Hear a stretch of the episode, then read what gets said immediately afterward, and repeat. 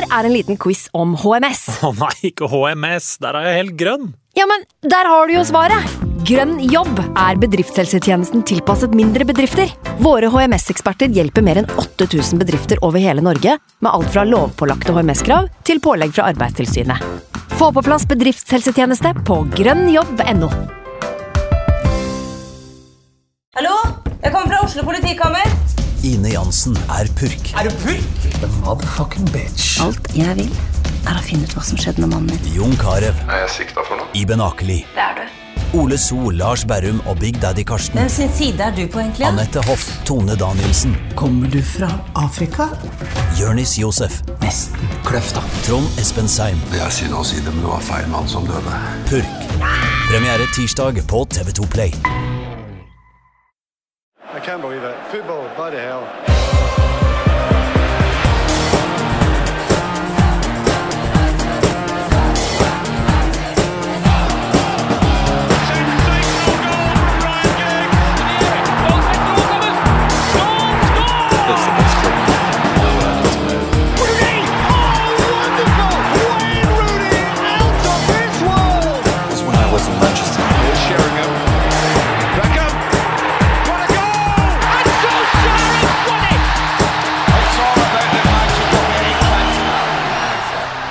United We Podcast er tilbake. Jeg er som vanlig Ken Vasenius Nilsen. I dag så har jeg med meg sportsdirektør for NTG og vår analytiske hjerne, Øyvind Eide. Velkommen. Takk. Godt å ha deg her igjen. Vi har også med oss eh, for første gang, faktisk, Sigrid Hein Hansen, tidligere Vålerenga-spiller, nå Premier League-ekspert for Viaplay. Velkommen til deg også. Tusen takk. Vi Må nesten starte med deg siden det er første gang du er her. Eh, vi må avklare. Hva er ditt forhold til Manchester United? Jeg er litt nervøs for det spørsmålet. ja. Nei, for dette, det er litt uh, vanskelig å svare på, for dette, jeg har et ganske godt forhold til United. Det er det jeg så opp til. Jeg eh, ble vokste opp i glansperioden og hadde Solskjær som forbilde og plakat av Beckham og Rooney og alle sånn, for naboen min var United-fan. ja. Uh, og så vokser du opp, da, blir 15 år, begynner å spille kamper hver helg. Uh, så rundene går vekk, du får ikke fulgt med like mye som du har lyst til å gjøre. Og da har på en måte den der lagfølelsen din til noen lag i Premier League forsvunnet litt Ja. og blitt erstatta mer med en sånn Jeg har lyst til å se verdens beste fotball, og jeg har lyst til at Premier League skal være tettest mulig. Så mitt forhold til United i dag er egentlig at jeg vil at de skal opp og kjempe. Jeg har lyst til at de skal få ut potensialet sitt og bli ja, alt det de kan bli, sånn at Premier League blir jevnest mulig om alle plasser. Men eh, noe, hvilket lag jeg heier på, der er, det er faktisk Og folk tror jeg bullshitter, liksom, men det er sant. Jeg har ingen sånn åh, jeg er så supporter for det laget eller det. Men det virker som at hvis det skulle vært noe, så hadde det kanskje vært Manchester United. da. Jeg kjenner i hjertet at jeg har lyst til at jeg skal få det til. Ja, ikke sant? Ja. Eh, det her, du er jo inne på et eller annet som er litt sånn interessant her. for du, altså, Øyvind, du har jo også jobba veldig tett på fotball eh, i mange år. Eh, jobba med det aktivt, vært trener og sånn. Er det sånn at man liksom ikke kan være ordentlig supporter når man begynner å jobbe såpass profesjonelt med det? Jeg har nesten det inntrykket. Jo, jo, man kan det, men jeg kjenner meg litt igjen, eh, som Sigrid sier her òg. fordi at jeg var jo sjøl vokst opp med Manchester United og de norske spillerne der og, og sånne ting når man, var yngre. Men eh, etter hvert som jeg begynte i treneryrket, så ble jeg mer opptatt av å følge trenere. Så jeg studerte i større grad de laga som de trenerne jeg fulgte, var på til enhver tid. Og da på en måte forsvant litt de der følelsene for, eh, for et lag, da. Eh, Men sånn, hvis jeg skal velge sånn innerst inne, så, så liker jeg jo at United gjør det bra. Men jeg ser jo det rundt meg, de som er supporter, ordentlig supporter av lag, de går jo i kjelleren i flere dager ikke sant, når laget sitt taper. Det gjør ikke jeg. Jeg går veldig fint videre når jeg skrur av TV-en. Det slipper dere, på en måte. Ja. Så da har vi én her som går i kjelleren, eh, og to som er eh, sånn delvis objektive, men som egentlig også elsker United helt innerst inne. Så da er liksom Det er dine ord. Ja, det er, det er mine ord. Da er liksom den eh, avklart. Eh, Hvilke forventninger hadde du da, Sigrid, til Manchester United før denne sesongen her? Jeg har alltid store forventninger til United. Eh, og, eh, mens, Der viser det seg at du ikke er United-sporter, så det ja, men det er sånn, det er sånn eh, Som Eivind sier, så er det sånn Jeg, også ser veldig analytisk på det, så, men jeg hadde sånn, jeg tenker alltid at vet du hva, de kan alltids overraske. Jeg så oppkjøringa deres, jeg var veldig imponert over Rashford, Sancho. Jeg syns òg Martial var sterk. Jeg, synes, liksom, så, jeg så liksom samspill som jeg bare Hva er det som skjer her, liksom? Ja. Eh, og så var jo jeg på serieåpninga mot eh, Brentford eh, på Old Trafford. Og da satt jeg og tenkte gud bedre meg, det her blir beinhardt. Ja. Så tenkte jeg sånn, satt jeg i studio mot Brentford tenkte jeg, ja, men var det bare en snuble, en liten snubb for Tenaga Co, men eh, den også var jo beinhard. Ja. Så jeg starta med liksom eh, bra sånn Ja, nå snur det. Ten Hag har rocka og gjort sitt, men det hadde han jo absolutt ikke gjort, da. Nei. Eh, Det var jo en blytung eh, åpning på det hele. Eh, Brighton og Brentford det der er noe som liksom, eh, jeg fortsatt har litt mareritt om, egentlig. og det er jo fordi at de, eh, liksom Noen av de gufsene fra den kampen, om ikke det helt store, så kommer noen av de sånn litt tilbake igjen innimellom. Men jeg vet ikke, hva syns du, Øyvind? Status da på prosjekt eh, Erik Ten Hag per 17.10.2022? Ja, men jeg tror vi skal ta litt perspektiv på ting. Da. Du har jo noen gode trenere tidligere som har uttalt uh, hvor lang tid det tar før et spill begynner å sitte, som, sånn som de ønsker det. Uh, Nils Arne Eggen skrev jo i Godfoten at det tar et halvt år før dem begynner å spille Rosenborg-fotball sånn som de var kjent for. Arsen Wenger sa jo litt det samme, at det tar et halvt år før han får laget sitt å framstå sånn som han vil. Uh, og det er klart, Nå begynner vi å nærme oss jul, og så spilles det et halvt år er jo tidsperspektiv med en kamp i uka, ikke sant? som nå spilles det jo litt mer komprimert. Så, uh, men sånn som det er nå, så ser vi jo veldig klart hvordan de ønsker å framstå. Og så er det detaljer i spillet som de ikke behersker like bra. Uh, det kan noen ganger få litt uh, katastrofale følger. men så er det andre deler av spillet som sitter egentlig ganske, ganske bra. hvor de kanskje mangler litt ut på uttelling, da. Mm. Men i det store og det hele så, så er de litt der hvor jeg forventa at de kom til å være. Men jeg trodde de kanskje skulle være litt skarpere på noen deler av spillet. Hvilke deler da? Det er f.eks. et gjenvinningsspill. Ja. De framstår i ganske mange kamper ganske naive. Ikke bare sånn de ønsker å spille seg ut bakfra, men, men også med det at de, de, ønsker å flytte mange spillere fram i banen og skape et overtall mot backledet til motstander. Da med å f.eks. flytte opp fem spillere, da. De spiller veldig ofte en 3-2-5-balanse, hvor spillerne i øverste leddet legger seg mellom uh, fireren, f.eks. i et backledd. Men de blir veldig flate og blir veldig stående. Så det gjør at når de mister ballen, så er fem spillere allerede ute av balanse. Og møter da en femmer som skal ta imot her, som kanskje ikke helt har posisjonert seg riktig. Så den delen av spillet det savner jeg at det er litt mer fokus på, da, sånn som de, sånn de framstår. For de er gode på kontringsspillet. Hvis de i tillegg greier å være enda råere på gjenvinningsspillet, så kan de bruke den kontringskrafta inn i det når de vinner ballen tilbake høyt i banen. Men alt i alt så syns du liksom at det på en måte er som, hva skal man si, at de er liksom delvis i rute? da? At det begynner Ja. å ligne på noe ut ifra det man kan forvente, kanskje? Jeg syns det, Og så er det mange som er misfornøyd med uttelling og, så videre, og, og skuffe over resultater og sånn, men jeg tror folk må roe seg litt. fordi at da ser man bak resultatene, som man egentlig bør gjøre, da, så, så framstår de langt bedre enn noen av resultatene tilsier. Eh, For det, det mangler ganske mye på uttelling, sånn som det er akkurat nå. da. Hadde den forrige kampen endte med 3-0-seier, så hadde vi ikke snakka om det her nå. Da hadde vi snakka om hvor fantastisk bra de var. Eh, Så, så uttelling skiller så mye i mening og følelsene til folk.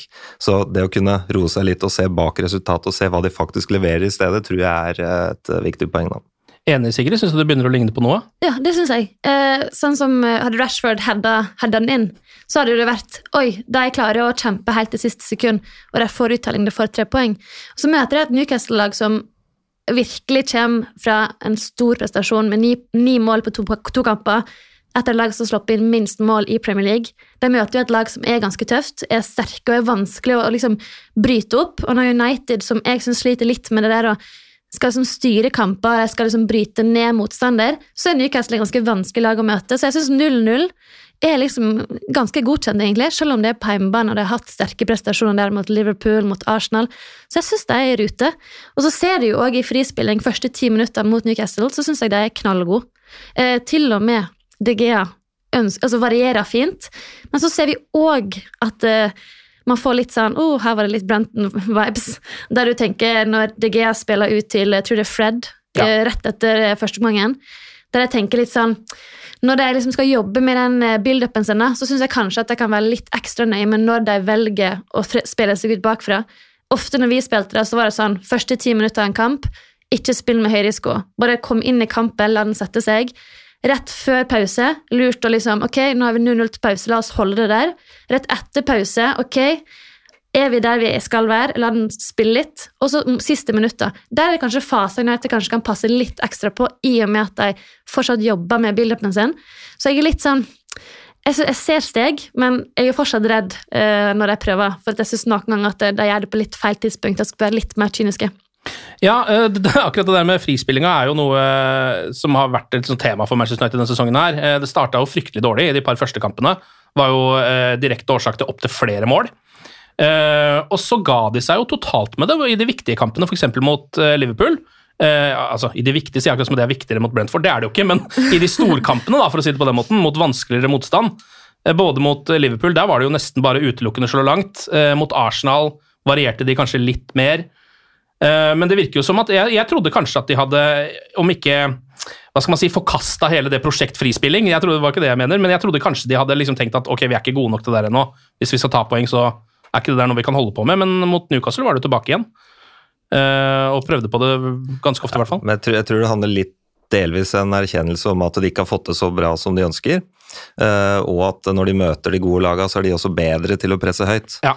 Sånn at det er vanskeligere å få det til, rett og slett. Og selv om det er naivt i en del tilfeller og de ikke løser det så bra, så uh, det er jo ikke helt idioti, det de holder på med hele tida. Sånn at når det er et veldig bra forsvarsspill òg, så ja, greier de jo til tider å løse det på andre måter enn å skulle spille seg ut bakfra. Mm. Jeg tror kanskje at en del United-supportere, deriblant meg selv, hadde um, kanskje litt grann undervurdert Newcastle til denne matchen. For man tenker på Newcastle som Newcastle, egentlig. Ikke som liksom uh, nye Newcastle under uh, milliardærprosjekt med en bedre trener enn de noen gang har hatt, og sikkert en bedre stall også. Um, så jeg tenkte jo tilbake liksom et år nesten til uh, Cristiano Ronaldo da han kom inn. Eh, første gang og hadde da uh, redebuten sin mot Newcastle, og det var jo bare det letteste som har skjedd. på en måte. Han bare dunka inn mål der, og det var liksom ingen problemer. Mens nå så man jo at det var et helt annet lag de møtte, da, i det store og hele. Um, et lag som jo var uh, ja, konkurransedyktig med Manchester United, i hvert fall store deler av matchen. Vi kan jo liksom se litt på det som skjedde i matchen. Kan først ha laget til United. Um, fordi der er jo David Hea i mål, selvfølgelig, og det er hans 500. match. Eh, gratulerer til David Heia, og til egentlig hele klubben. Og vi takker nok en gang den faksmaskinen som eh, var litt treig da han skulle til Real Madrid. Eh, vi får, får liksom fortsatt nyte av den drittfaksmaskinen eh, fortsatt. Det er, setter jeg veldig pris på. Eh, Dalot var på høyre, har jo tatt den plassen. Nå har jo også Van Bissaka vært skada mye. Eh, og det er ikke noen andre alternativer. Så det er jo ikke så rart at han har tatt den plassen. Men hva syns dere om, om Diogo Dalot? Jeg synes det er litt sånn Først så tenkte jeg kanskje vi har funnet høyrebekken vår, og så ble jeg usikker igjen. Ja, jeg syns han var veldig bra egentlig når de hadde den uh, seiersrekka si. Syns jeg han uh, sto frem godt. Um, syns jeg han er ganske upresis med ballen uh, mot Newcastle. Syns han har mange litt, litt, rare valg og enkle pasninger som går ut til kast. Så jeg synes, jeg var mer imponert over Luke Shaw, som jeg syns mm. har egentlig tatt Dalot sin form. Så det hadde vært nice hvis begge kunne prestert samtidig. men jeg syns han eh, starta bra, men så syns jeg han har falt litt, da. Mm. Dalot er jo litt uferdig ennå. Han, han, er ikke helt oppe på det nivået han greier å levere det samme uke etter uke. Og så har han uh, ganske gode egenskaper offensivt, egentlig, hvis vi da sammenligner med Van Bissaka. Men han har jo store utfordringer i det defensive spillet. Hvordan ja. han posisjonerer seg når han skal f.eks. For forsvare innlegg på bakre stolpe, har han store utfordringer. Uh, så han, han, er ganske uferdig, og jeg tror nok skal United opp og nikke med de store, så trenger de fortsatt en ny høyreback. Det mm. gjør de.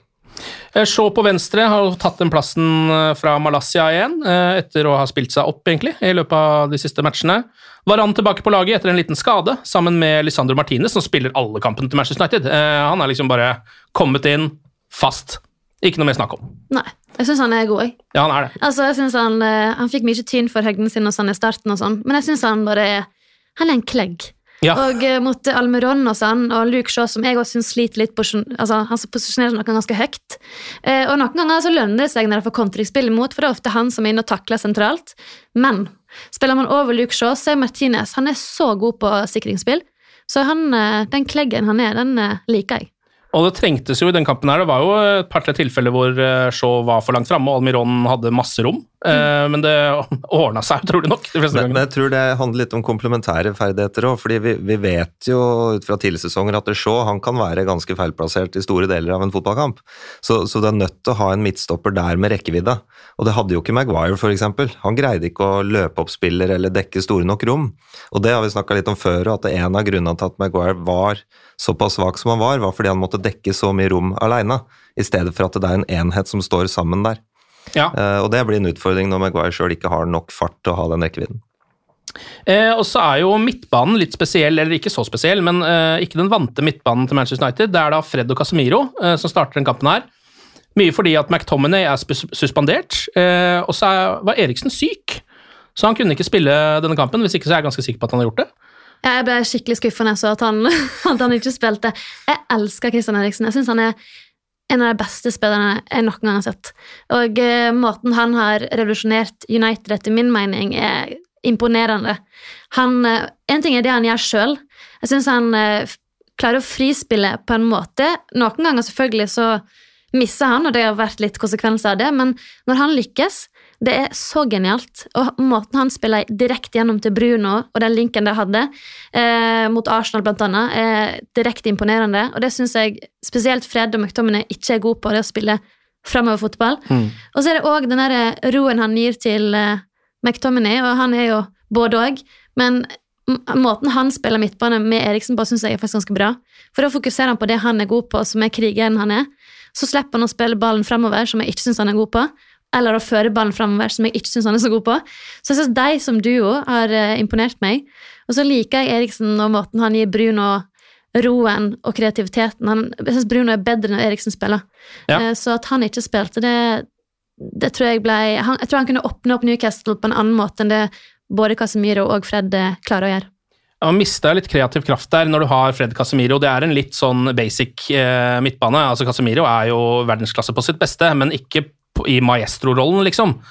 Uh, så det merka man jo her litt, òg, for det ble jo, jeg syns det ble litt mye Fred, jeg, i den kampen. Altså Litt mye sånn nå skal Fred være kreativ, nå må Fred finne på noe. Ja. Og det skjer jo ikke så ofte, dessverre. At han har den boksåpneren i lomma hvor han bare kan fikse dette her. Eh, Så sånn var nå det. Eh, Bruno starter selvfølgelig litt eh, i den framskjøvete midtbanerollen. Og så er det Sancho, Antony og Cristiano Ronaldo på topp. Rashford var også sånn bitte litt syk, så vidt jeg skjønte, men var jo på benken. Men allikevel så er det jo Ronaldo som starter, da. Overraskende for dere, eller? Ja, det vet jeg ikke om er overraskende, men jeg syns jo at det United-laget kler bedre Ronaldo som spiss enn Rashford. For Rashford er egentlig en ganske begrensa fotballspiller. Han er fryktelig flink til å løpe rett fram og veldig fort, og flink til å time løpa, men han er langt på nær så god feilvendt oppspillspunkt som det Ronaldo er, og selvfølgelig headinga på slutten der, hadde Ronaldo fått den, så Ja. jeg er ganske sikker på at det hadde blitt et mål. Ja. I stedet så er det Rashford som står der og header, som egentlig ikke er så veldig god i lufta. Uh, så, men nå er det konkurranse på mange plasser her, ikke sant? Så jeg tror United er best med en Rashford som konkurrerer på kant, da. Mm. Og så da, da står det ikke igjen med så mange spisstyper, dessverre, men da er det liksom Ronaldo kan fortsatt spille fotball, han, uh, selv om han ikke er på sitt beste, men eh, jeg mener at eh, når de skal bruke én spiss sånn som det der, så tenker jeg det er Ronaldo heller enn Rashford, da. Ja, Hva tenker du da, eh, Sigrid, som har vokst opp med den unge versjonen av nummer sju? Jeg savner han. Ja, det gjør vi alle. Nei. um, jeg er enig, han er god feilvendt, bedre enn enn Rashford, men jeg, altså han, han, noe, han presser jo ikke noe høyt. da. Jeg syns United blir veldig lave veldig tidlig pga. han da, i det høye presset, men det er sånn man må akseptere, for han har ikke den motoren som kanskje enkelte andre spisstyper har i dag. da. Mm. Uh, men eh, ja, jeg savner, jeg savner den gamle Ronaldo. Jeg gjør det. Ja. ja. Eh, ellers kan vi også ta med oss eh, en litt eh, gledelig nyhet. og Det har jo litt med at United har en del skader og sykdom og sånn inn mot matchen her, men det, det får jo en litt sånn artig konsekvens, nemlig at Kobi Mainu, 17 år gammel, er på eh, benken. En midtbanespiller. Fikk ikke prøvd seg, men sikkert en god opplevelse å bare være med førstelaget og få se litt hvordan det funker. Kanskje få tatt en liten selfie med Cristiano eh, i garderoben, og bare få sett hvordan det der blir eh, inn i framtiden, da. Ellers er det jo litt gøy før kampen. Sir Alex er ute på matta, hedrer Ronaldo med sine 700 klubbmål, og David Hea med sine 500 kamper. Og så er det som du var inne på, eh, Sigrid, United starter ganske bra. De holder ballen veldig trygt. Jeg tror de har ballen de første tre minuttene eller noe sånt, faktisk, og bare ruller den rundt. Ikke at de får til noe, men det er ikke så ofte jeg har sett United ha så, altså, klare å beholde ball så lenge. Som er liksom noe de, noen av de beste lagene får til, i lengre perioder enn dette, men allikevel det er en start, da. På et eller annet. Vi tar med oss den. Vi tar med oss det vi, tar med oss det vi får her. Nei, jeg synes det, men eh, det handler sikkert om at eh, Newcastle har brukt litt tid på å få sett sitt høye press. Ja. Eh, Så eh, de sleit litt når Newcastle klarte å ja, gå mer som en enhet. da. Eh, Men det skal sies at jeg synes enkelte var vel to angrep de hadde bakfra, hvor de løser opp ganske eh, godt sentralt, eh, som jeg synes liksom var, var gøy å se. Og så mista jeg litt initiativet, sikkert til dels fordi Newcastle klarer å, å finne litt mer ut av presset sitt, og det sitter litt bedre. da. Men jeg syns begynnelsen var, var ganske bra. Jeg syns Georg hadde faktisk en ganske bra igangsetting, selv om hans igangsettinger litt utover kampen ble litt ymse. ja, det blir litt ymse.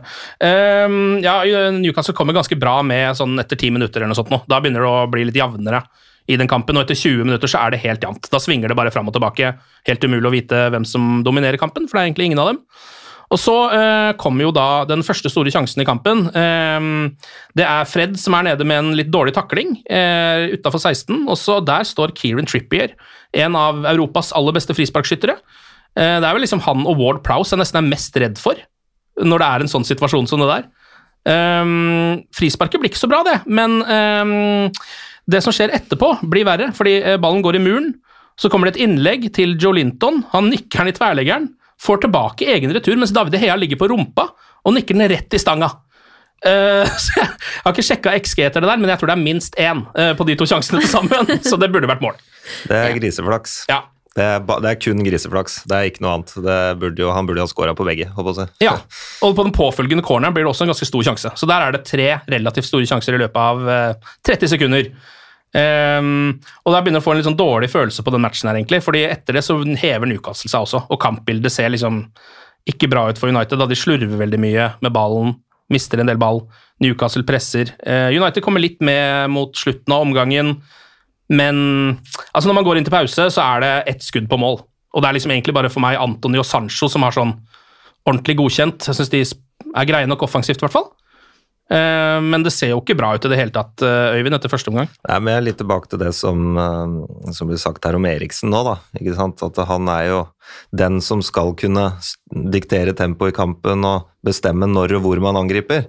Nå er det Casemiro og Fred som skal gjøre det. Ja. Og egentlig det de får til, det er å finne Fernandes. Ja. Og så kan det dikteres derfra, men, men da går via et ledd i stedet for at alle muligheter er åpne. Så er det Fernandes som da ikke kan spille til seg sjøl, som spille til noen andre. Og da er mulighetene begrensa, så det blir litt lettere å ta ut. Og så var det noe med Newcastle sin midtbane som spilte 4-3-3, at når de greide å samle den og pressa sammen tre stykker, så sleit United litt. Da ble de tatt på fysikken der, og de ble tatt i duellspillet. Men når de begynte å spre seg litt og flytte litt på innerløperen som kom foran de to andre, f.eks., da var United gode, for da fikk de mye plass, spesielt til Fernandes. da. Så det, det, var litt sånn, eh, hang litt sammen med hvordan eh, Newcastle klarte å holde midtbanen sin der også. Men ser du, Er det noen annen inngang på denne kampen her fra Ten Hag, sånn som du ser det, enn de øvrige? Prøver han å tilpasse seg Newcastle på noen måte, eller går han ut og bare prøver å liksom sette sitt spill igjen? Ja, Han prøver å finne de romma på utsiden av den midtbanetreeren. fordi at det er eh, veldig ofte avstand mellom indreløper og kant, f.eks. i 4-3-3 eller 4-5-1. Og når indreløperne går foran resten av midtbanen også, så blir det enda større rom der. Eh, og det var det flere eksempler kampen gjennom, egentlig, hvor de er flinke til å finne de romma, da. Men så er de flinke til å spille seg fram til siste tredel, men derifra og inn så lugger det ganske mye, egentlig. Og det er det som gjør at det blir egentlig ikke noe ordentlig store sjanser før det er nærmest på overtid. Mm. For de greier ikke siste pasningen, timing av siste pasning og bevegelse, eh, med selvfølgelig å score når de endelig får muligheten, da. Eh, du nevnte Bruno Fernandes her. Jeg har bare lyst til å ta opp det, fordi eh, den Bruno Fernandes vi ser nå, er det veldig mange United-supportere som har tatt til hjertet. Altså, det er en kapteins-Bruno eh, med innbitt fjes og vinnervilje og veldig mye innsats og dueller og blåmerker og blod. Men jeg er liksom også vant til å se eh, mesterhjernen Bruno Fernandes og den liksom kreative eh, målskåreren Bruno Fernandes som nesten har forsvunnet lite grann. Skjønner du litt hva jeg mener? Det, har det liksom noe uh, Jeg vil ikke si at Bruno Fernandes har blitt en dårligere spiller, men er det sånn, må, er det sånn at man må ofre noe når man skal bli Roy Keane også, liksom? Eller hva er, som, hva er det som, skjer med Bruno? Jeg tror mye, I hans rolle så er han avhengig av et uh, altså, lag som spiller han i situasjonene der han kan være mesterhjerne. Eh, og Det er jo derfor jeg syns Eriksen har et fantastisk påvirkning på det laget. fordi jeg synes han finner Bruno i rommet der han er i sitt ess. Eh, ref eh, Arsenal-kampen, der han får, måtte få stå der han får spille de kreative pasningene han har. Eh, men jeg òg er jo en som har blitt irritert på Bruno når han ikke bidrar defensivt i det hele tatt. Så det hadde vært veldig fint med en mellomting med Bruno. At mm. han kunne både vært krigeren, men òg eh, den offensive hjernen som han har. da. Jeg tror det, tror det, går an å ha begge deler. Men eh, det er klart at han må spille lenger i lag med f.eks. en som Eriksen. og eh, laget United nødt til å trenge mer tid sammen til å, under Ten Hag til å kunne få spillerne sine i de beste situasjonene flest mulig ganger. Mm. Så jeg tror ikke det er en enten-eller, men jeg, eh, jeg, tror at uh, den kreative Bruno savner Eriksen litt masse. Ja, det kan nok hende, det, altså. Um, ellers så starter United uh, andre omgang egentlig litt sånn samme måte som de avslutta første. Det er ikke sånn kjempebra. litt ballmist og litt sånn surr etter korte utspill og litt sånn alle de ting, tegnene som gjør at man tenker at dette her kan bli tap, egentlig. Men det, eh, de kommer seg litt inn i matchen eh, etter hvert. Så er det et par rare situasjoner med Cristiano Ronaldo eh, etter hvert. Det ene er jo når han Altså, han scorer jo i det 48. minutt, men det er jo en offside på han i forkant som er veldig grei, egentlig. Den er det ikke så mye tvil om. Og så kommer det en litt sånn omdiskutert situasjon, hvor Newcastle får et frispark. Um, og dommeren blåser jo sånn tidlig som det gjør, sånn at uh, frisparket kan egentlig tas når som helst. På en måte, uh, Så lenge nå er vi klare, nå kan vi ta det. Newcastle venter litt, grann, ruller ballen tilbake til Pope. Og så da tenker Cristiano at da har de tatt frisparket sitt. Så han snapper ballen fra Pope han, og uh, tupper den mot mål. Uh, dommer blåser før det blir mål, um, og sier bare at frisparket er ikke tatt, så du må ta det på nytt. Og Det er jo en sånn, altså det her kan jo alt mulig rart diskuteres, selvfølgelig, men uh, hva tenker dere om situasjonen? Skal du gå først, eller skal jeg? Uh, jeg fikk faktisk aldri med meg den pasningen til Pope. Nei. Så jeg er litt Så for deg så var det bare sånn, han stjal frisparket deres? Så, ja, ja. men jeg ser jo det at samtlige United-spillere reagerer jo likt på situasjonen. Ja. Så, så noe er det jo, men jeg, jeg så faktisk aldri den første Eller den involveringa som gjør at de leser det sånn. Nei. Så den jeg, jeg vet ikke om jeg kan si noe om det. Nei, ikke, altså, jeg er jo litt sammen. Jeg så kampen eh, ja, live, så tenkte jeg ikke over det. Jeg tenkte sånn, Det var litt vel desperat av Ronaldo. Ja, ja, det tenkte jeg òg. Det var det reprisen men, som gjorde at man begynte å tenke noe, da. Men eh, Ja, ja. men jeg skjønner at altså, Det er jo lurt tenkt av han, for at, eh, altså, han setter jo i gang frisparket til uh, Pope. uh, men på samme tid, når du ser Pope, så er det veldig tydelig at han mener at han, det er ingen frispark som er tatt her. Ja. Uh, så det er mer det at hvis Pope hadde vært litt mer sånn det ser ut som at han setter i gang, eller at han toucher litt feil, eller noe sånt, så har jeg tenkt litt sånn at det her er Fair United sitt mål. Men siden Pope står helt i frys og tydelig ikke tenker at frispark er tatt, så tenker jeg at det var helt fair at det ikke ble mål. Ja, jeg tror også det hadde, blitt, eh, altså, det hadde blitt enda mer omdiskutert hvis det ble mål. Dette her, det er jeg ganske Ja. sikker på. Uh, uansett, på en måte. Um, og så er Cristiano Ronaldo gjennom etter 53 minutter. Uh, og Det er liksom de verste situasjonene å se Cristiano i nå, fordi der ser man så tydelig at han ikke har fart lenger. Han blir liksom pressa litt av Trippier, som ikke er en av de raskeste høyrebekkene i verden. Han er liksom passe kvikk, han, altså, men eh, han får rett og slett liksom ikke avslutta. Det blir en sånn snubling eh, eller straffe, som det jo ikke blir, eh, situasjon av det hele. Og ja, det er liksom sånn i, det, Man skal ikke tilbake lenger enn et år før det der bare hadde vært mål, har jeg en følelse av. Men så er slippet òg litt for dårlig, da. Jeg blir Ja. litt irritert over slippet til Ronaldo. For at eh, Ronaldo gjør helt riktig, og han synes jeg, han går litt masse offside for tida. Jeg blir litt irritert over det, men han eh, åpner opp rommet og er klar til å få ball, men den går litt for langt foran han. Ja. Så hadde slippet vært presis, så hadde han eh, sluppet å havne i den situasjonen. Da kunne han lagt inn eh, smart som han kan. Ja. ja. Um, United eh, litt bedre etter hvert, hvert fall. Får trøkka Newcastle litt grann tilbake. Og så kommer den kanskje mest omdiskuterte situasjonen i matchen. 57 minutter. Uh, Sancho, som uh, dribler litt, uh, blir tatt inn i 16-meteren på vei ut. Faller litt sånn teatralsk, men eh, på reprisen ganske tydelig at eh, eh, Newcastle sin stopper ikke er på ball, og er litt på bein. Eh, VAR sjekker. Jeg tenker når jeg ser reprisen at det ser ut som et straffespark. Det blir det ikke. Nei. Altså, jeg har gitt opp å skjønne hva som er straffespark og ikke. da. Ja. Men jeg tror oppriktig at han ikke For det, han hoppa litt sjøl. Ja. Og hvis han ikke hadde gjort det, så tror jeg han hadde et større odds for å få straffe. Ja. Fordi at det, når jeg ser han Du ser han løfter beina sine med seg på en sånn teit Neymar-måte, liksom. Ja. Så hadde han ikke gjort det, så tror jeg han hadde hatt større sannsynlighet for å få straffe. For når jeg ser det live, så tenker jeg det var litt lett. Sancho. Men når jeg ser det i prisen, så tenker jeg at han blir faktisk truffet. Mm. Så Det, det, det tror jeg òg. Det, det blir litt vel dramatisk. Uh, og da ja. Men skal VAR bry seg om det? Jeg skjønner at dommeren bryr seg om det, for han kan jo tenke at den, det, er, det er ikke så lett å se at han er på foten. Så dommeren kan tenke det at han bare går ned der uten at det er noe kontakt, men VAR ser jo at det er kontakt. ja, det er kontakt, og så er spørsmålet hvordan ville det sett ut hvis han prøvde å stå på beina? Mm. Det Men det er vel ikke et krav til en, til en Nei, hva som er krav lenger, det vet jeg ikke. Nei, det, er, masse- det er masse vanskelige situasjoner, men eh, de, de sitter nå dommere der også og vurderer at det ikke er straffe. Men jeg tror mange vil være bedre tjent med å ikke være så dramatisk i sånne situasjoner, da. Mm. Ja. Jeg tror det er enklere å se grad av touch på han om han ikke hadde bidratt sterkt sjøl. Ja. For da tror jeg det man kunne sett at okay, han trynte, liksom, og det så ikke ut som han filma, liksom, men jeg tror at hadde han ikke bidratt til den der, det fallet så, så mye han gjorde, så tror jeg at det var enklere for VAR å sett at det der var en kontakt som hindra han direkte i mål. Mm. Ja. Ja, det må hun ja, Men altså- ikke at jeg forsvar, jeg, jeg aner ikke lenger hva VAR tenker. Nei, fordi, nei, fordi det, altså, jeg kan skjønne det som en grunn, fordi eh, det er vel den eneste grunnen jeg kan se til at det ikke blir blåst der. Eh, så da må det jo nesten være det da, som er grunnen. Eh, Ronaldo blir bytta ut etter hvert. Ingen spesielt god kamp for han i dag heller. Eh, inn med Marcus Rashford, og da eh, var helt uenig. Ja, Ja, jeg var helt uenig i det valget. ja. Hvorfor? Jo, fordi at uh, du må ha målskåreren på banen når det skal avgjøres. Du må ha de som faktisk kan avgjøre i en sluttfase. Eh, og så er det veldig lett å peke på den headingssituasjonen selvfølgelig nå, men eh, det syns jeg var et eh, feil valg. Og så var det noe annet, og det var at de greide å finne han veldig ofte feilvendt høyt i banen, spille gjennom midtbanen til, til Newcastle, som jeg syns ga en litt mer sånn trygghet i noen faser av spillet. Eh, og så setter de inn på en Rashford, og jeg skjønner tanken bak det, men jeg syns ikke de får utnytta det nok, da. Nei. Så det å heller ta ut eh, en av kantene og sette han der, det tror jeg ville vært et riktigere valg. For det som jo dessverre skjer, er jo, og som veldig ofte skjer mot slutten av sånne kamper når ett lag ligger bakpå og et annet lag prøver å score, er jo at man må pumpe litt inn i boks.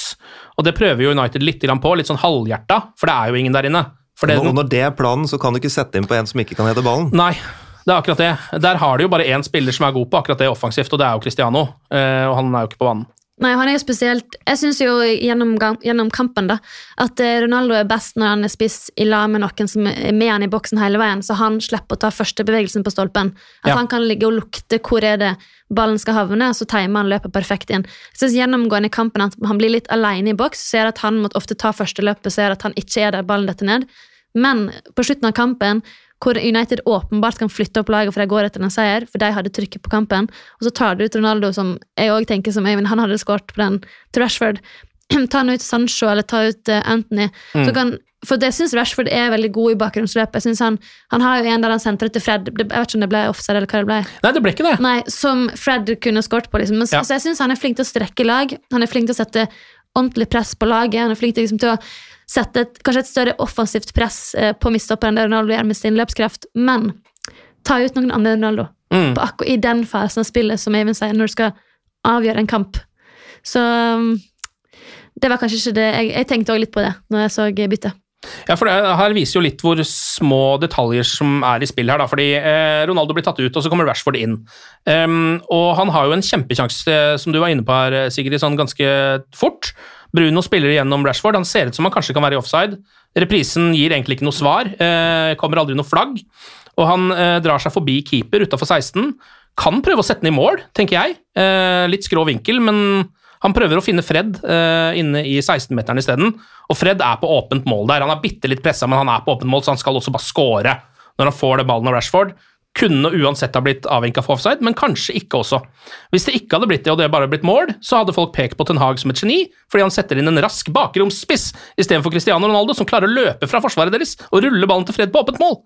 Uh, det skjer jo da ikke. Og så kommer det da eh, fem minutter på overtid, eh, sjansen som vi har snakka om flere ganger, hvor det er et innlegg til eh, Marcus Rashford eh, som header utenfor. Den hadde Ronaldo skåret på.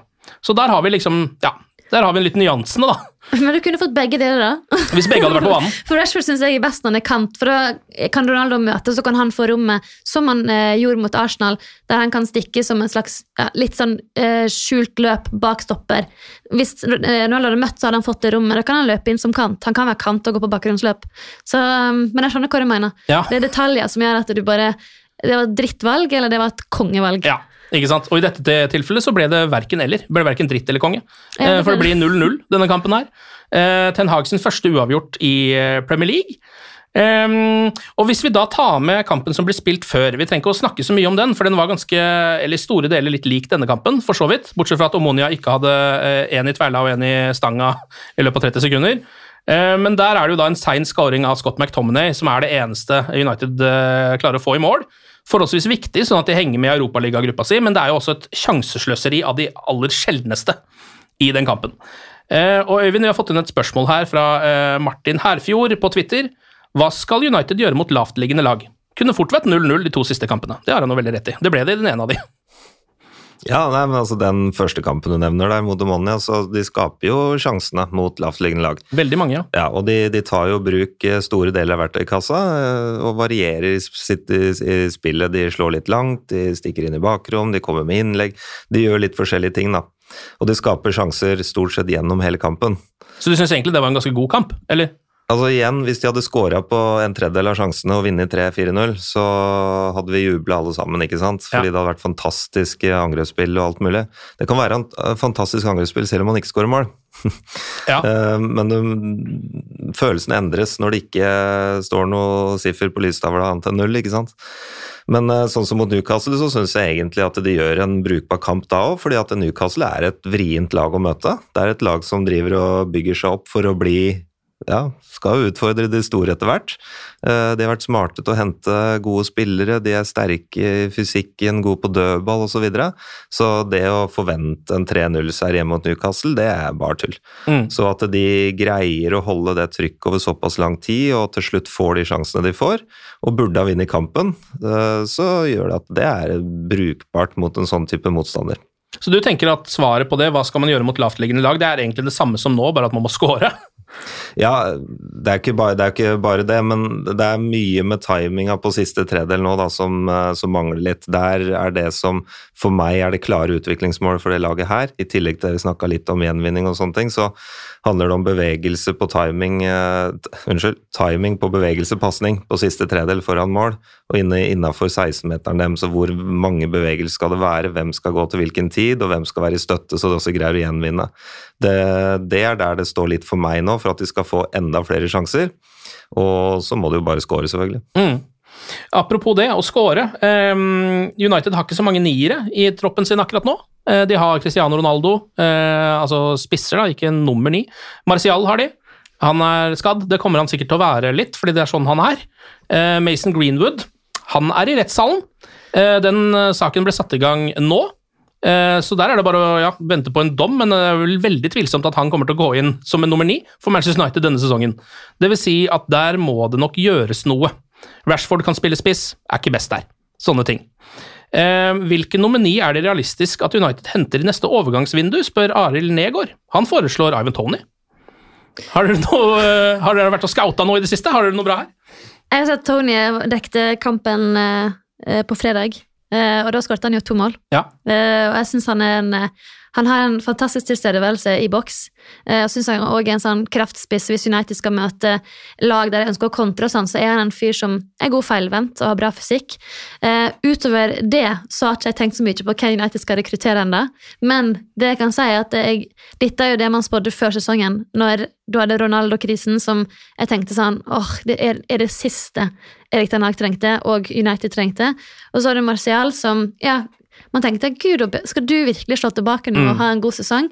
Men så snakket jo alle om at han er jo skada hele tida, og det har han jo blitt. Så det sitter jo med den knipa man kunne sett i april. Ja. Eh, Så det syns jeg er litt sånn skuffende. Men så vet man jo at de prøvde på 100 spillere i sommer, og prøvde å få inn spillere som de ønsket, uten hell. Så det er litt sånn Jeg kan skylde på dårlig rekruttering, men så er det klart at de kan ikke gjøre noe med et nei. Nei. Eh, Så, så, men eh, jeg liker veldig godt eh, Ivan Tony, det absolutt. Men United trenger en, en ordentlig solid, fast nummer ni som ikke er 45 år gammel, Øyvind, gjør det ikke det? Ja, Hvis Ronaldo spiller for United spiss fast når han er 45 år, da har de bomma grovt med rekrutteringa si. Altså. Nei, men det er helt enig med vurderinga av Tony, men, men det er mange andre spillere også som helt sikkert kan gjøre den, den jobben der framme. Men det er ikke lett når eh, det er mange andre attraktive klubber òg. Og da er spørsmålet på hvilket nivå er det spillerne vurderer United? Mm. Det, Hva tror du da? Nei, det er jeg mer usikker på. Eh, De ser jo utenifra at her har det vært litt rot, og ja, hvem er det som egentlig tar avgjørelsen, ikke sant? Og, Vi vet jo at Erling Braut Haaland for eksempel ikke vurderte United. ikke sant? Og Det er jo eh, et slags faresignal, kanskje, selv om ja. Og han er ikke den eneste som tenker sånn. Ikke sant? Hvis Mbappé skal bytte klubb, f.eks., står United på shortlista hans? Nei. Det er ikke sikkert det gjør. Så, så det, og det Det kan hende at United må komme seg opp litt før de kan begynne å tenke på de store navna. Uh, og jeg tror det handler litt om at Ten Hag må få lov til å sette strukturen sin, bygge en ny kultur der, og så røske opp litt i de tinga der. Så tror jeg at det vil, vil komme. Men akkurat nå så står ikke de i noen posisjon til å hente noen sånne store navn. Hva slags type nummer ni uh, er det som kunne vært ideelt, tror du? Altså, uh, Rashford er en rask nummer ni en bakromsnummer ni, vi har uh, store, tunge nummer niere, vi har den komplette nummer ni som vi ikke får. Altså, Skjønner du hva jeg mener? Altså, hva slags liksom, spillertype er det du tror kunne passe inn i? Sånn som de spiller nå, så tror jeg det er uh, viktig med en som behersker uh, innleggssituasjoner. Ja, Så litt stor og sterk og litt ålreit på huet? Ja, samtidig som det må være en som greier å presse og har kapasitet til å presse høyt. Mm. Sånn at de får mer ut av det aggressive forsvarsspillet sitt høyt i banen og kontringsspill i stedet for å konte fra egen 16-meter, så kan de kontre nærme motstanders 16-meter. Det er jo enda gunstigere, men da trenger de et uh, bedre press, da. Mm. Uh, right, Det er ganske vriene kamper for Manchester United framover nå. Uh, på onsdag så er det Spurs hjemme på Old Trafford, Chelsea borte på lørdag. Hva tror du om disse to kampene, Sigrid? Hvor mye kan en Manchester United-supporter håpe på? Uff. um, Vær ærlig. Eriksen eh, er jo usikker ja. eh, mot Tottenham. Ja. Um, har, Ten Hag sier at han håper han er tilbake, men ja. håp har jeg tidligere ikke trodd så veldig mye på, for det pleier ofte å være at han ikke starter. Ja. Jeg tror det blir uh, tøft. Tottenham er blitt et kontelag, da. De vinner. Uansett om de spiller dårlig og kjedelig, så vinner de. Så jeg tror Tottenham kan være litt vanskelig for United å møte, for det er vanskelig å bryte ned. Eh, og så de har de jo spillere som Son, som Kane, som ja, om Kulsevski er tilbake, Richarlison, som kan skape noe. Jeg tror faktisk Richarlison er ute med en eller bitte liten skade, ja, uten at det han, ja, trenger å være avgjørende. Men mm. uansett, de har fått spillere som kan virkelig sette United sitt forsvar på, på en ordentlig prøve. Mm. Så jeg, eh, og Chelsea og har jo òg skade nå, men jeg er veldig fan av Potter. Jeg synes han, han har en sånn tilstedeværelse og hans man management eh, Jeg har lest litt på han der. Jeg synes han, Måten han snakker om det å psykologisk jobbe med spillere for å få frem det beste i dem, eh, og det han har gjort med Brighton, det han gjør nå med, med Chelsea jeg bare jeg tror han òg kan bli vanskelig å møte for United. Mm. Så jeg, det, det, blir, Men samtidig, det har jo deres sterke, sterkeste prestasjoner mot gode lag. Ja. Da, du har Arsenal-Liverpool. Eh, så kanskje at eh, topplagene er nesten i hermetegn enklest å møte, for da kan en ligge lavt og kontre. Mm. Så jeg vil ikke helt avskrive det heller. Så det er et vanskelig spørsmål. Eivind? Eh, hvis de greier å stå med fire poeng etter de to kampene, så skal du være veldig fornøyd. Ja. Eh, men det er mer realistisk med to og kanskje ett, sånn som det ser ut nå. Eh, og det er de grunnene som, som Sigrid nevner der, egentlig. Men jeg tror er de smarte nå, så baserer de spillet sitt på kontringsspillet. At de er gode defensivt. Da må de lokke Conte inn i noe han ikke kommer til å bli lokka inn i, tror jeg. Ikke sant? Det er også en utfordring, men at de, de, greier å identifisere situasjoner hvor de kommer til å vinne ball og bruke kontringskraft derfra. Og da vil vi nok se en Rashford i stedet for Ronaldo som spiss, f.eks. Ja, ikke sant. Det vil jeg kanskje nesten tro sjøl òg. Eh, Martial er usikker, Eriksen er usikker, og Maguire er usikker. Det samme er Van Bissaka og Van de Beek. Eh, så vi får se hva slags eh, lag de stiller med i den matchen her. Ehm, jeg vil gjerne ha et resultattips. Ja. Vi tar bare Spurs-matchen. Vi trenger ikke å gå helt i kjelleren her. Spurs hjemme på Trafford på onsdag. ok, jeg tipper uh, 0-1 til Spurs. 0-1 til Spurs, ja. ja. ja. Nei, det blir 2-0 til United. To mål på kontring. Ja, Deilig. Der har vi det. Der har vi fasit. Ok, Sigrid og Øyvind, tusen takk for praten, og glory, glory.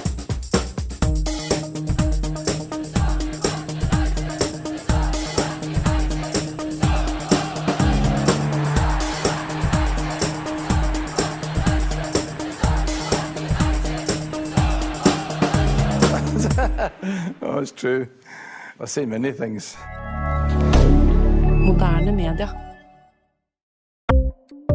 Ukens annonsør det er matkasseleverandøren Hello Fresh. Der kan du velge mellom 25 ulike oppskrifter hver uke, eller få Hello Fresh til å sette sammen en meny for deg.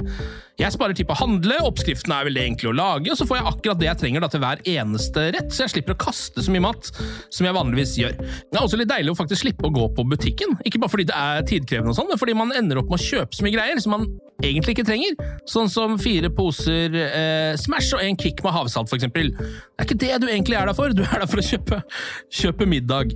Så det er en veldig eh, kjekk ting. I tillegg så er det jo eh, ferdigporsjonerte ingredienser, det blir mindre matsvinn, og du betaler bare for det du faktisk trenger, og det du faktisk da spiser. I tillegg så blir det da levert på døra til et fastsatt tidspunkt, sånn at du kan få det akkurat når det passer for deg eh, sjæl. Hvis HelloFresh høres ut som noe for deg, så har jeg en rabattkode du kan bruke også. Gå inn på hellofresh.no og bruk koden HelloUnited24. HelloUnited i ett ord, også 24, og få opptil 1779 kroner i rabatt på de fem første matkassene dine hvis du ikke har prøvd HelloFresh ennå. Du kan også bruke koden hvis du tidligere har vært kunde, men har stoppa abonnementet ditt for tolv måneder siden eller mer. Det er ingen bindingstid, og du kan pause eller avslutte abonnementet ditt akkurat når du selv måtte ønske. Husk koden HelloUnited24, og bon appétit! Ukens annonsør er Folio, en smartere banktjeneste for deg som har en egen bedrift eller ønsker å starte for deg selv. Folio er en superenkel nettbank for bedrifter. Som kunde i Folio får du en bedriftskonto med et bedriftskort og app. I denne appen er det smarte løsninger som forenkler regnskapet ditt, uansett om du har en liten bedrift eller et enkeltpersonsforetak. Folio er både intuitivt og brukervennlig, og er laget med et enkelt språk. I tillegg tilbyr de forutsigbare priser og ingen skjulte gebyrer. Skulle du likevel trenge det, så kan du snakke med deres raske og hyggelige kundeservice, og der får du prate med en faktisk person og ikke en chatbot. Folio er med andre ord både enklere og koseligere enn banken. Over 10 000 bedrifter har allerede valgt Folio som sin banktjeneste, så besøk folio.no og se hvordan Folio kan forenkle din hverdag også. Har du et enkeltpersonforetak eller en liten bedrift? Da er du sikkert lei av å høre meg snakke om hvor enkelt det er med kvitteringer og bilag i fiken, så vi gir oss her, vi. Fordi vi liker enkelt. Fiken superenkelt regnskap.